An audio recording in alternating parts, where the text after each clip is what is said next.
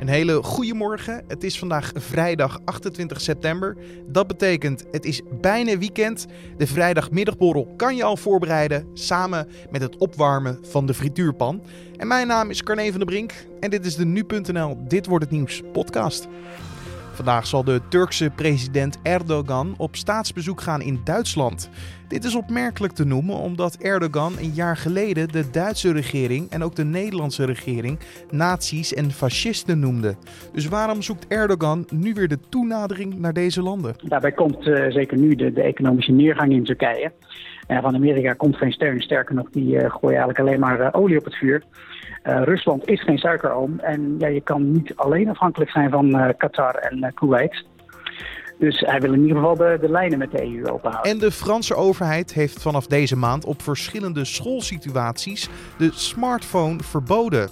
Het zou namelijk te veel afleiden tijdens het studeren. Wij zochten uit of dit ook een goed idee voor Nederland is. Maar eerst kijken we kort naar het belangrijkste nieuws van nu. De terrorismeverdachten die donderdag in Weert zijn opgepakt, verbleven daar op een vakantiepark. Dat zei burgemeester Jos Heijmans donderdagavond in het tv-programma Pauw. Ze wonen niet in Weert, zei Heijmans. Ze komen ook niet uit Weert. Gelukkig, zeg ik als burgemeester. Het plan was vermoedelijk om met bomvesten en kalashnikoffen een aanslag te plegen. De Amerikaanse beurswaakhond SEC heeft Elon Musk aangeklaagd. De Tesla-directeur wordt beschuldigd van beursfraude. Volgens de SEC is Musk roekeloos geweest en deed hij uitspraken om indruk te maken op zijn vriendin. Musk ontkent dat en zegt dat hij verdrietig en teleurgesteld is door deze beschuldigingen. Het geld dat beschikbaar was gesteld om extra zij-instromers het onderwijs in te krijgen, is volgens Trouw al bijna op. Het ministerie van Onderwijs had 3,2 miljoen euro beschikbaar gesteld om zij-instromers te verleiden het basisonderwijs in te gaan en zo het lerarentekort terug te dringen. De regeling staat officieel open tot eind van het jaar, maar het is nog de vraag hoeveel geld er nog beschikbaar is en of de pot zal worden aangevuld.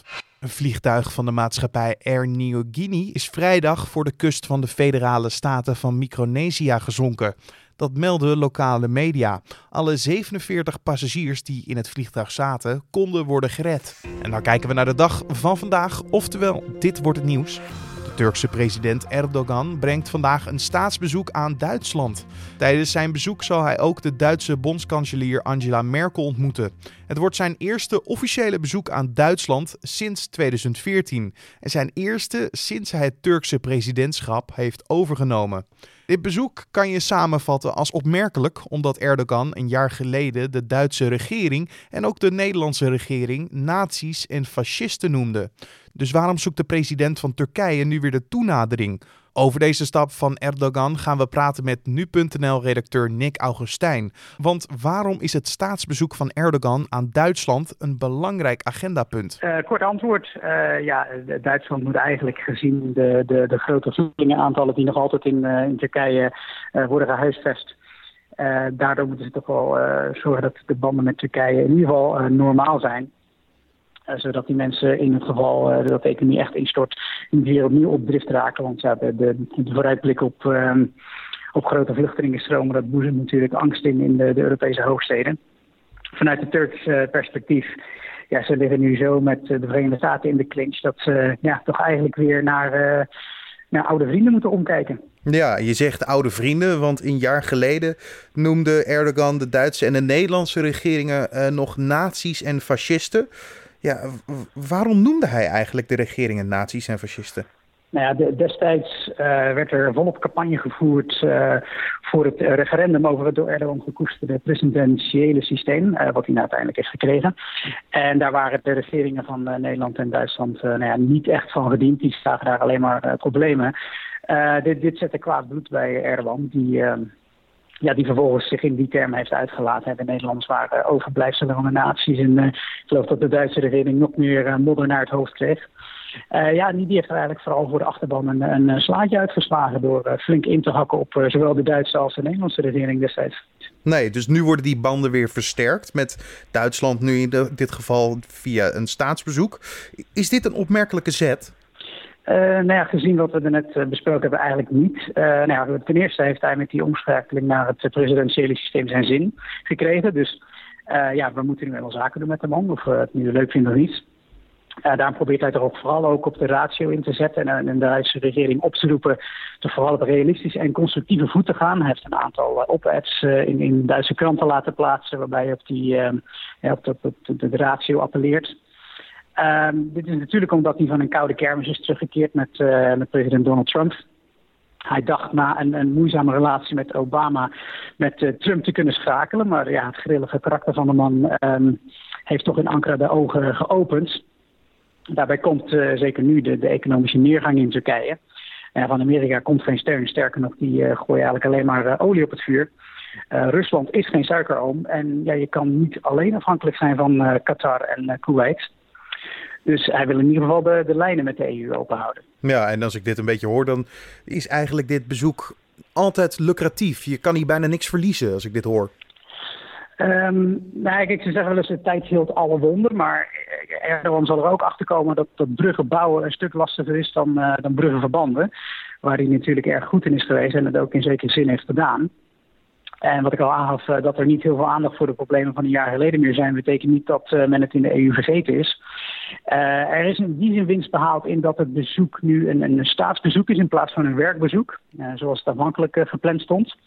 Maar dat betekent niet dat er Erdogan overal toegestaan zou worden weer op de bühne te klimmen. Ik denk ook niet dat Duitsland direct met de portemonnee, zal gaan zwaaien. In de eerste plaats omdat Turkije geen EU-lid is. Je kan ook maar zomaar zoveel doen. en het is ook nauwelijks voor het Duitse electoraat te verkopen natuurlijk. Uh, het zijn vooral de ministers van Economie geweest die uh, de voorbereidingen voor het bezoek hebben getroffen, zo blijkt. En dat doet vermoeden dat het de Ankara toch inderdaad vooral op, uh, op financiële steun gaat. Um, en ja, dus veel zo afhankelijk wat, er, wat er in een uiteindelijke gemeenschappelijke verklaring gezegd wordt. Ja. als, als, daar, als daar het economische aspect ontbreekt, dan, dan kunnen we ervan uitgaan dat ja, Ankara nul op het request heeft gekregen. Dan wel dat het de eisen van Berlijn niet heeft kunnen accepteren. Um, nou Erdogan op zijn beurt zal natuurlijk schermen met die grote aantal vluchtelingen die het landenhalve onderdak biedt. Want ja, die, die vluchtelingenstromen, dat, uh, dat boezemt de nodige angst in. maar het is nu de vraag of dat opweegt tegen de, de noodzaak buitenlandse investeringen binnen te halen. Want we moeten niet vergeten, Duitsland is um, een van de grootste handelspartners van het land. Um, er zijn ongeveer 7000 Duitse bedrijven in Turkije actief.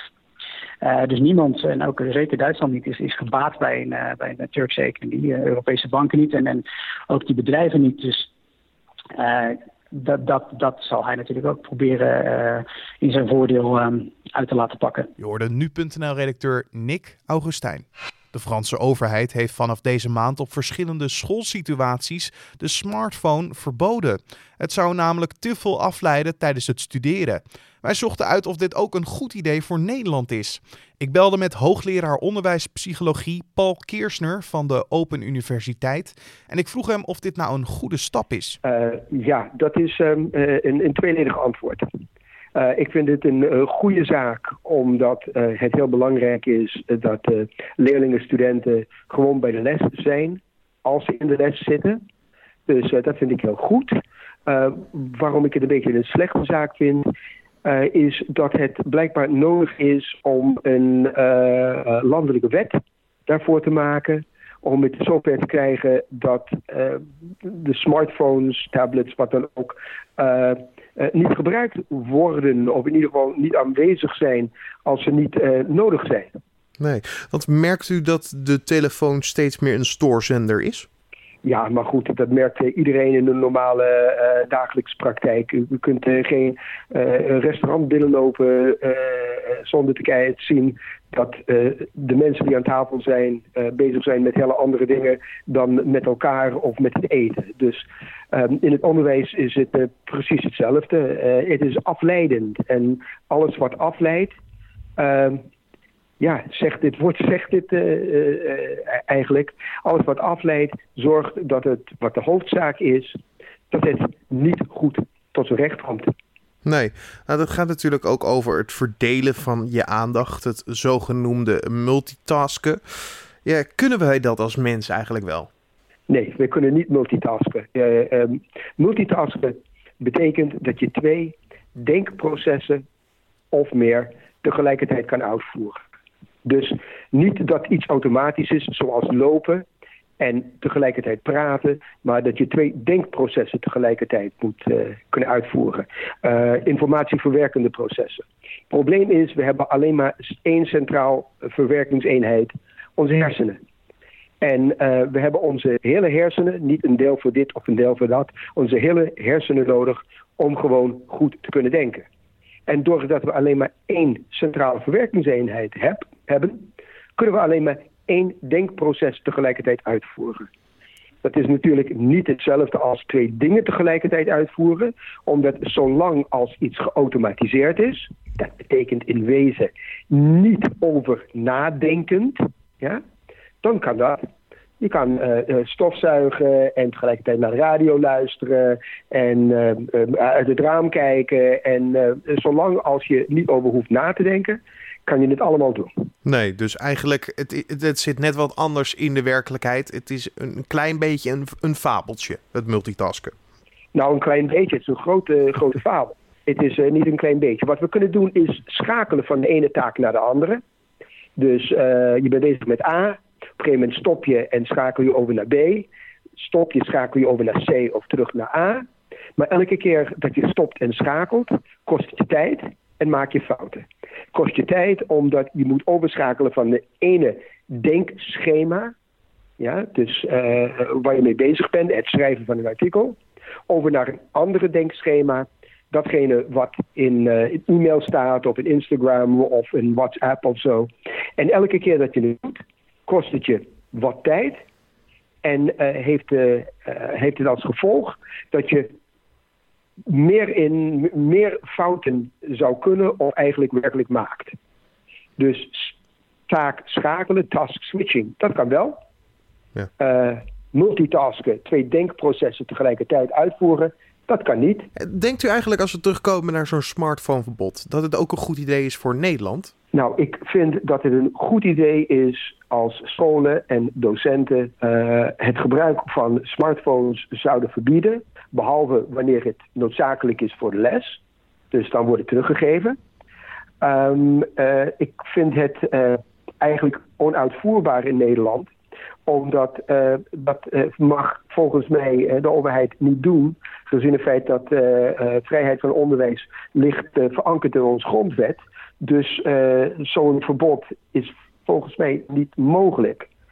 Ik, ik vind het jammer, en dat zei ik aan het begin, dat het zover moet komen dat de scholen en de docenten niet in staat zijn om dat zelf te regelen. En dat uh, Frankrijk moet kiezen om het uh, wettelijk te verbieden. Ja, want ik denk ook namelijk niet dat uh, de studenten dit zouden bejubelen op het moment dat het wordt ingesteld. Nee, denk ik ook niet. Maar um, uh, ja, is redelijk wat onderzoek wat laat zien. Ik geloof dat het heet nomofobie. En uh, ja, het is ook een, uh, maar uh, een woord. Maar nomofobie is um, een soort angst van het um, niet hebben voor je smartphone, heb ik begrepen. En dus dat leidt tot stress. Mensen beginnen echt een beetje paniekerig te doen. Dat ze niet bereikbaar zijn, dat ze niet online zijn. Fear of missing out en wat dan ook. Dus ja, ik denk niet dat ze zouden zitten te juichen. Uh, het zou wel uh, leiden waarschijnlijk tot uh, hogere cijfers, minder studietijd omdat ze letten beter op tijdens de les enzovoorts. Maar uh, nee, ik denk niet dat ze blij mee zouden zijn. Je hoorde hoogleraar onderwijspsychologie Paul Keersner van de Open Universiteit. Wil je nou meer weten over dit onderwerp? Dat kan. Vanaf dit weekend vind je op nu.nl een langer nu-weekend stuk over ditzelfde onderwerp. De zeven verdachten die donderdag zijn opgepakt vanwege het beramen van een aanslag in Nederland worden voorgeleid aan de rechtercommissaris in Rotterdam. De mannen komen uit Arnhem, Rotterdam, Huizen en Vlaardingen. Hun leeftijden lopen uiteen van 21 tot 34 jaar. Ze zijn opgepakt in Arnhem en Weert. Het Planbureau voor de Leefomgeving en het Centraal Planbureau presenteren hun analyses van het voorstel voor hoofdlijnen van het klimaatakkoord aan de pers. Het akkoord moet ervoor zorgen dat de verduurzaming in Nederland echt tot ontwikkeling komt. Tegen 2030 moet de CO2-uitstoot met 49% verminderd zijn ten opzichte van 1990. In 2050 moet de uitstoot ten opzichte van 1990 met 95% zijn afgenomen. Een van de ambitieusste doelen ter wereld. Ryanair heeft alsnog 12 vluchten van en naar Eindhoven Airport geannuleerd vanwege een pilotenstaking. Volgens het vluchtschema van de luchthaven gaan vluchten van en naar Faro, Pisa, Marseille, Porto, Cantana en Praag niet door. Ook in andere landen leggen de piloten het werk neer. De luchtvaartmaatschappij gaat ervan uit dat ongeveer 150 vluchten in Europa vervallen. En dan nog even het weer. De dag begint met bewolking, maar in de middag breekt hier en daar de zon door. Op de meeste plaatsen blijft het droog en het wordt rond de 16 graden. En om af te sluiten nog even dit. Actrice Monique van de Ven heeft het Gouden Kalf voor de filmcultuur ontvangen op de startdag van het Nederlands Filmfestival. Van de Ven speelde onder andere in Turks Fruit, Zomerhitte, De Schorpioen en Romeo. En de actrice heeft zowel nationaal als internationaal gezien veel bijgedragen aan de Nederlandse filmcultuur. Zo stelt het bestuur van het Nationale Filmfestival donderdagavond. Ze weet in haar liefde voor film mensen te verbinden. Dat is voor ons de reden haar te roemen met het Gouden Kalf voor de filmcultuur. En dit was dan de Dit wordt het nieuws podcast voor deze vrijdag 28 september. Je vindt de Dit wordt het nieuws podcast van maandag tot en met vrijdag om 6 uur ochtends op de voorpagina van nu.nl en natuurlijk in je favoriete podcast app. Abonneer je ook gelijk even op de Dit wordt het nieuws podcast. Zo weet je namelijk dat hij elke ochtend in je favoriete podcast app klaar staat. Laat ons ook weten wat je van deze podcast vindt. Dat kan via een mailtje naar redactie.nu.nl. Nogmaals, redactie.nu.nl. En een recensie in iTunes. Mijn naam is Carne van der Brink. Voor nu een fijne vrijdag, een mooi weekend en natuurlijk tot maandag.